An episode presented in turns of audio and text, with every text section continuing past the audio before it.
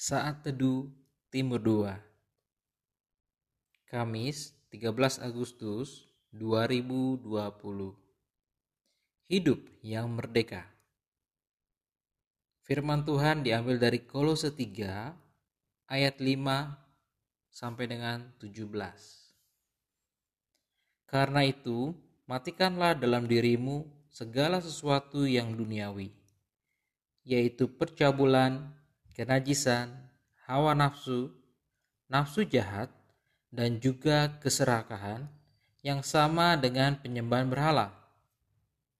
Semuanya itu mendatangkan murka Allah. Dahulu kamu juga melakukan hal-hal itu ketika kamu hidup di dalamnya. Tetapi sekarang, buanglah semuanya ini, yaitu marah, geram, kejahatan, fitnah, dan kata-kata kotor yang keluar dari mulutmu.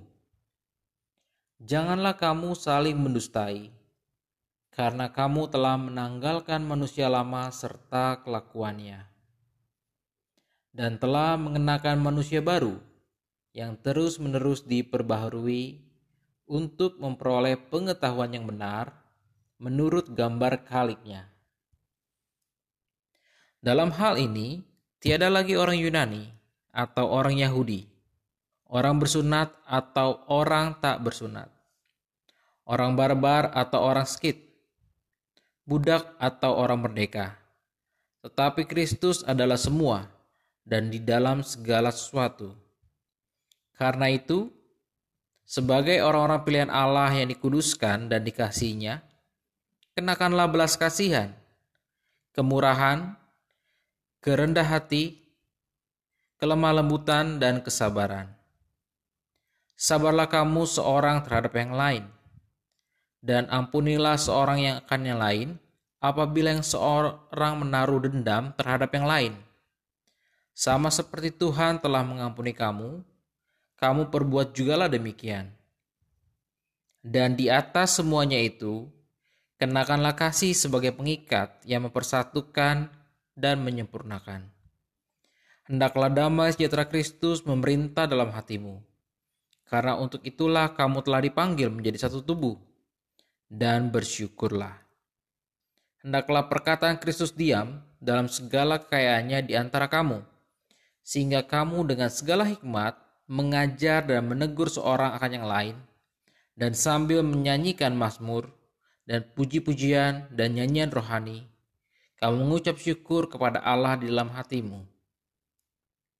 Dan segala sesuatu yang kamu lakukan, dengan perkataan atau perbuatan, lakukanlah semuanya itu di dalam nama Tuhan Yesus, sambil mengucap syukur oleh dia kepada Allah, Bapa kita.